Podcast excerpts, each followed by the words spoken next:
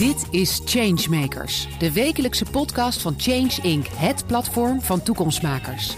Iedere week gaat Paul van Liemt in gesprek met de helden van de toekomsteconomie. Krachtige leiders uit familiebedrijven, multinationals, MKB-bedrijven, start-ups en scale-ups. Die kleur bekennen, richting geven en tempo maken.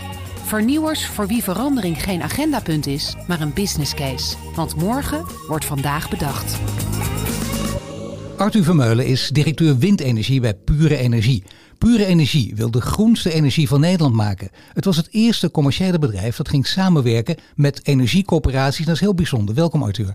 Dankjewel. Ja, ik zeg dat is heel bijzonder. Mensen denken vaak, dadelijk als ze het verhaal horen, dan zullen ze het begrijpen. Hè? Want het lijkt voor de hand liggend. Dat dacht ik aanvankelijk ook, maar dat is het bepaald niet. Daar gaan we het zo meteen met jou over hebben. Maar eerst, hè, zo beginnen we altijd in onze serie.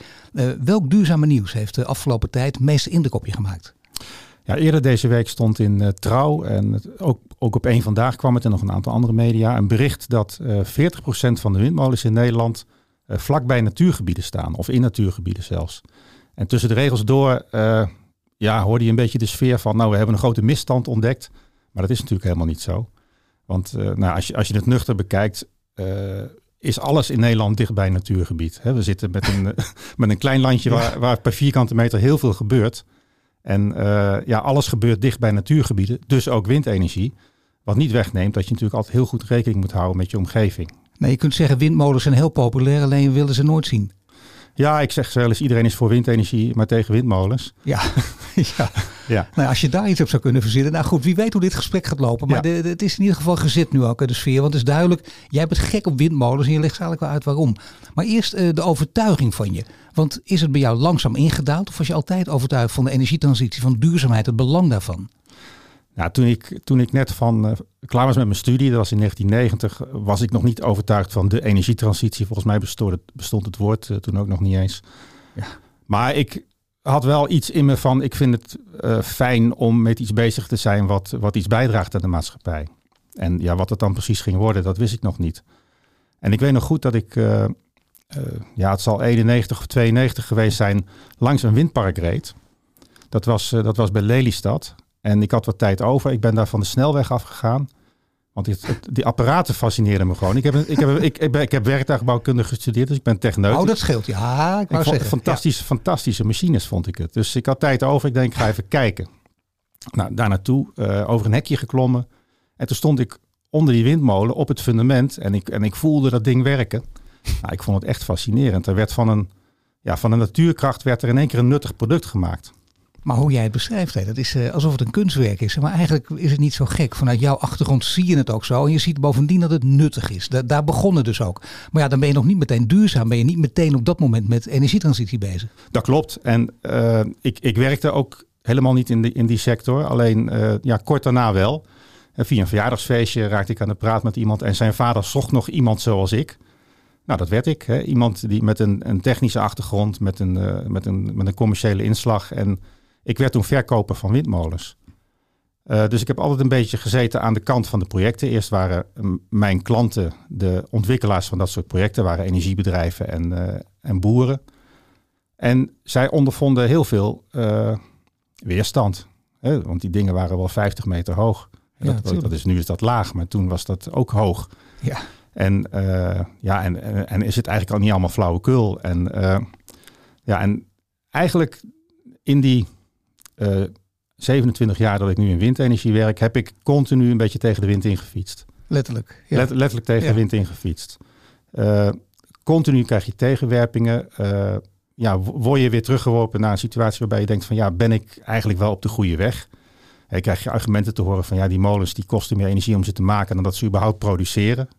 Nou ja, denk je, als dat waar is, ja, dan, uh, dan zijn we met iets stoms bezig. Nou, daar ga je in verdiepen. Of klimaatverandering is eigenlijk maar flauwekul. Nou, dan ga je wat, dieper, wat meer verdiepen in die klimaatverandering. En dat heeft mij eigenlijk heel erg gesterkt en overtuigd gemaakt van, uh, van de noodzaak van duurzame energie. Onder andere voor klimaatverandering. Ja, omdat je dus ondanks al die tegenwerpingen nooit, want dat is natuurlijk interessant, zo werkt het ook. In feite is het, werkt de wetenschap ook zo natuurlijk. En we gaan steeds verder tot een hele goede tegenargument komen. En dan moet je het bijstellen of misschien wel een hele andere kant op gaan. Je hebt nooit getwijfeld. Je bent, je bent andersom, als ik naar je luister, eigenlijk steeds meer gesterkt in, in je oorspronkelijke gedachten. Ja, nou ja, goed. Er komt wel twijfel op je weg. Maar als je dan, dan gaat uitzoeken hoe het zit, dan word je weer meer gesterkt. Ja, en, en dat heeft mij eigenlijk ook wel uh, een ontzettende over, ja, ontzettend overtuigd gemaakt van die energietransitie. Ik denk dat we als, als, als samenleving, als beschaving niet zonder kunnen. Ja, en dat, en dat, dat motiveert mij ook enorm om in dit vak uh, tegen de wind in te blijven fietsen. Nou ja, dit is stevig als je dit echt vindt. Hè? Want, dan, want je moet hier ook he, zo volhardend zijn als jij, anders kan dat niet. Het, het, psychologisch is het ook bijna niet te doen hè? om steeds weerstanden te overwinnen. Dat kun je af en toe, maar op een gegeven moment wil je, wil je ook dat je, dat je medestanders krijgt. Changemaker van de week, dat is voor jou ja. toch wel een leuk opsteken. Ja, nee, ik was, ik was eh, sowieso al zeer vereerd om, om genomineerd te zijn en helemaal om het, om het te worden. Waarbij ik natuurlijk moet aantekenen dat ik in een omgeving zit, een bedrijf waarbij ik ook de kans krijg om ideeën uh, te doen. Ja. Uh, en uh, ik doe het ook niet alleen, ik heb heel veel collega's. Dus het, we zijn eigenlijk changemakers of de week. Nee, maar dat vind ik heel netjes dat je het zegt, tuurlijk. Maar we gaan niet ja. met z'n dertigen jullie vragen. Jij bent degene die bijvoorbeeld de aanzet gaf. Jouw bedrijf Pure Energie, het eerste commerciële bedrijf is dat in Nederland. Dat, dat ging samenwerken met energiecoöperaties op dit gebied. Maar hoe is dat nou gekomen? Want daar heb je wel de aanzet toe gegeven. Ja, de, de, de projecten die wij uh, proberen te doen, windparken, tegenwoordig ook zonneparken, uh, ja, zijn altijd een, een ingreep in de ruimte. Hè? Je zit altijd ja. in iemands ruimte op de een of andere manier, als het maar iemands uitzicht. Uh, en per definitie krijg, krijg je daardoor weerstand. En wij wisten natuurlijk wel dat we ja, de omgeving goed moesten uitleggen hoe het nou zit, hè? De, de feitelijke informatie. Maar dat is nog niet het betrekken van de omgeving. Ja, maar je krijgt toch een beetje, je krijgt een vergunning vaak via de wethouder. Tenminste, zo hoor ik het ook vaak van mensen die in, in jouw branche dan zitten. En er worden daar neergezet. Ja, dat is een soort fait accompli. En mensen worden dan ook boos. En die denken, dat, dat lijkt wel een soort uh, dictatuur hier. Wat moeten we hiermee? Ja, je hebt dus zo, een andere weg gekozen. Zo, zo, wordt het vaak gevoeld. Hè? Uh, uh, en, en, zo, en zo deden wij dat in het begin ook. Je zoekt een plekje waar het kan. Je maakt een afspraak met de grondeigenaar. Je gaat naar de wethouder. Die probeert de gemeenteraad te overtuigen dat het belangrijk is om daar een windpark neer te zetten. Eigenlijk een hele technocratische benadering. Ja. Maar uh, ja, je, je, merkt steeds vaker dat, de, uh, dat dat soort projecten dan ook mislukken. Uh, vanwege het feit dat de omgeving in opstand komt, zich meldt bij de gemeenteraadsleden. dat zijn hun kiezers, dus daar is een gemeenteraad logischerwijs gevoelig voor. En projecten gaan niet door. Dus ja, je gaat op een gegeven moment ook zoeken naar methodes waarop het anders kan. En ja, anders is als als de omgeving veel meer deelgenoot wordt van je project. En er zijn een aantal manieren waarop dat kan. En een, een van de manieren waarop dat kan is, ja, ik, ik liep daar tegenaan. We, we, deden al aan participatie voor mensen. Mensen konden geld investeren in onze projecten en kregen daar een rendement voor terug. Maar dat was toch iets wat wij bedacht hadden, wat we dan gingen aanbieden aan de mensen. Hè, uh, uh, ja, een beetje denigrerend werd het dan wel eens, ja, het speeltje van de ontwikkelaar genoemd of de spiegeltjes en kraaltjes. Ja, natuurlijk. Ja. Uh, dat werd negatief geframed. In, in 2013 was ik bezig met een, eh, een windpark eh, van twee windmolens uh, langs de A1 uh, in Deventer. En dat was hartstikke lastig. De gemeenteraad was zwaar verdeeld. Zelfs het college was verdeeld. Alleen er was een wethouder die wilde het wel graag.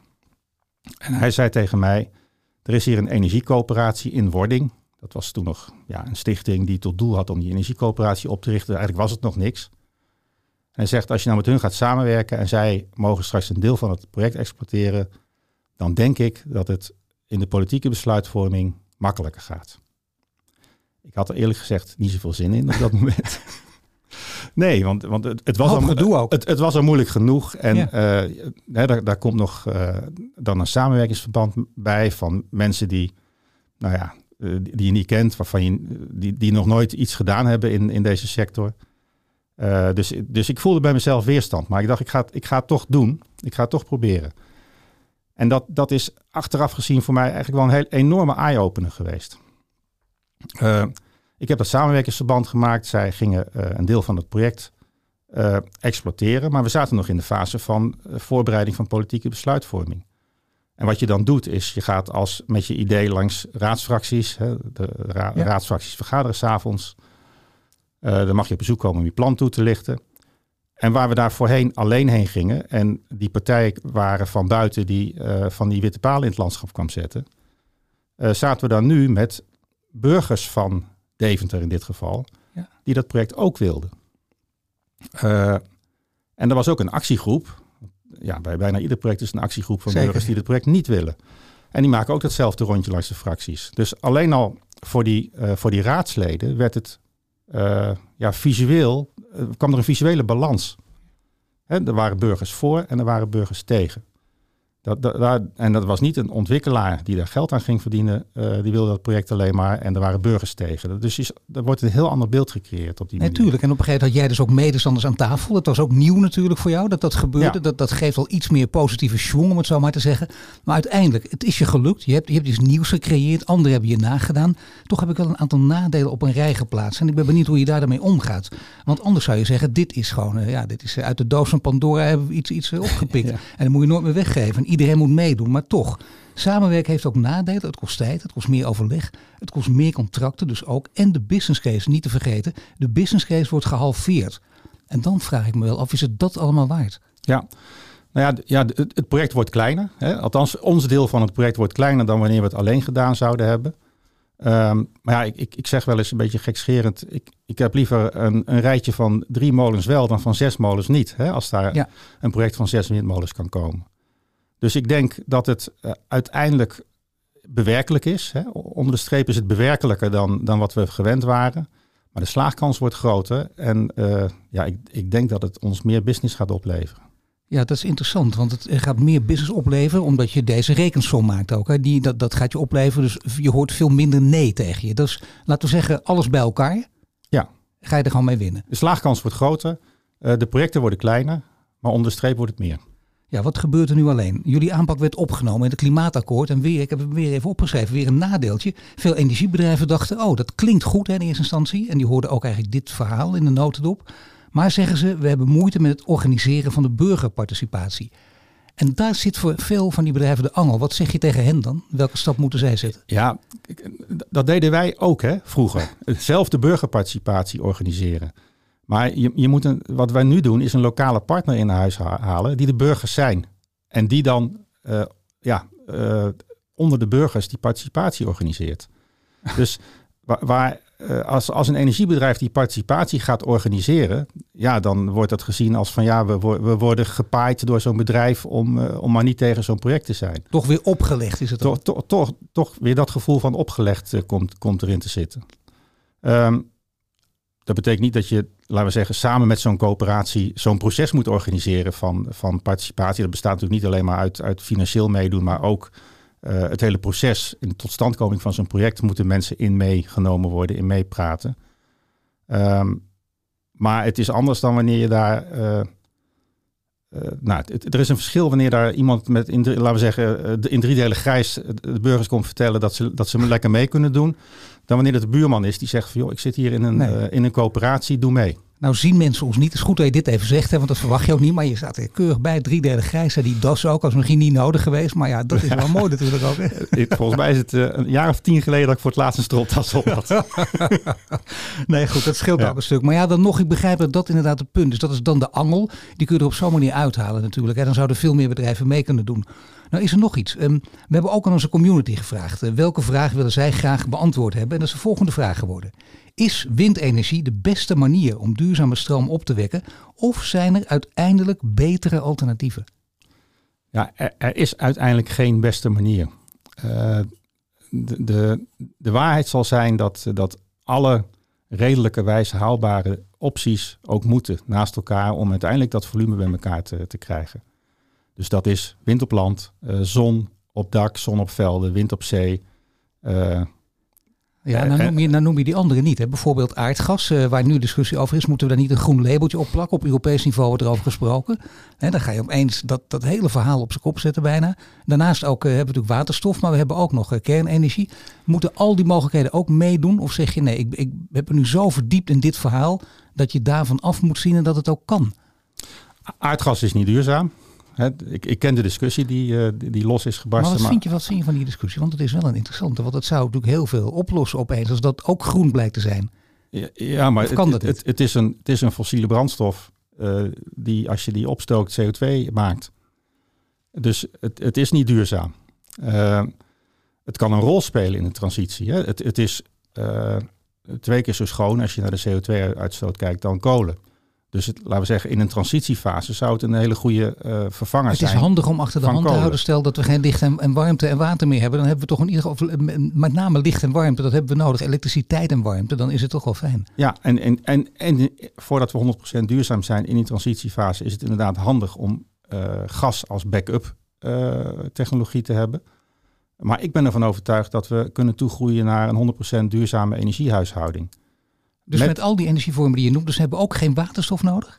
Nou, waterstof is. Ik heb het over groene waterstof. Ja, en, en waterstof is geen energiebron, maar een energiedrager. Je, kunt het, je kunt het zien als een soort accu. Je moet het maken en dat kun je met wind en zon heel goed doen. Ja. Uh, ik denk ook zeker dat waterstof uh, een belangrijke rol gaat krijgen in de energietransitie uh, als matcher van vraag en aanbod.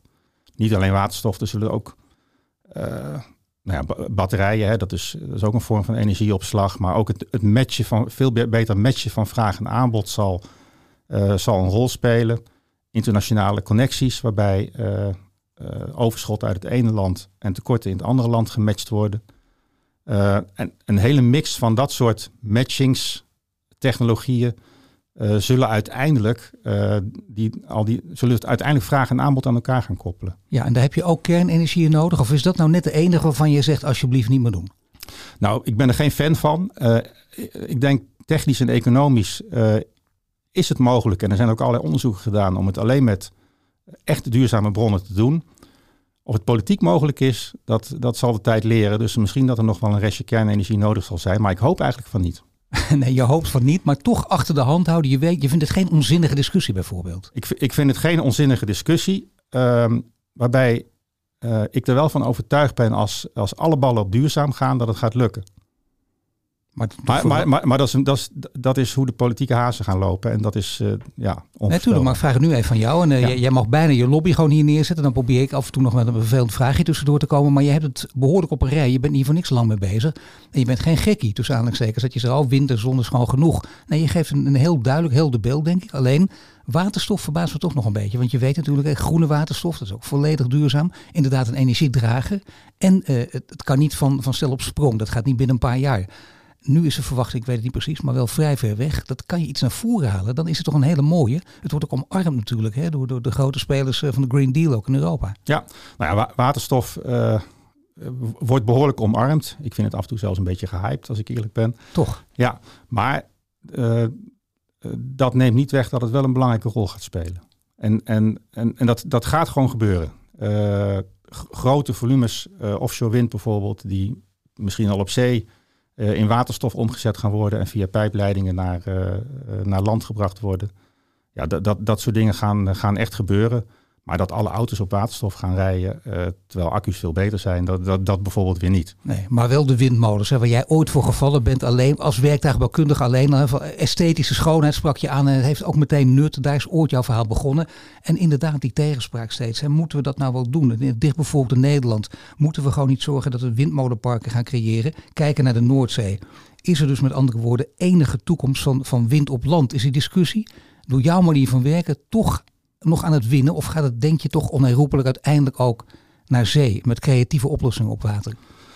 uiteindelijk is, de, uh, is ruimte uh, voor duurzame energieopwekking is, is het schaarse goed. Uh, en ook de zee is eindig, zowel land als zee zijn eindig. Er zijn allerlei studies gedaan waarbij je met een mix van duurzame energiebronnen op land, op zee, uiteindelijk die, de hele, het hele volume zou kunnen gaan maken.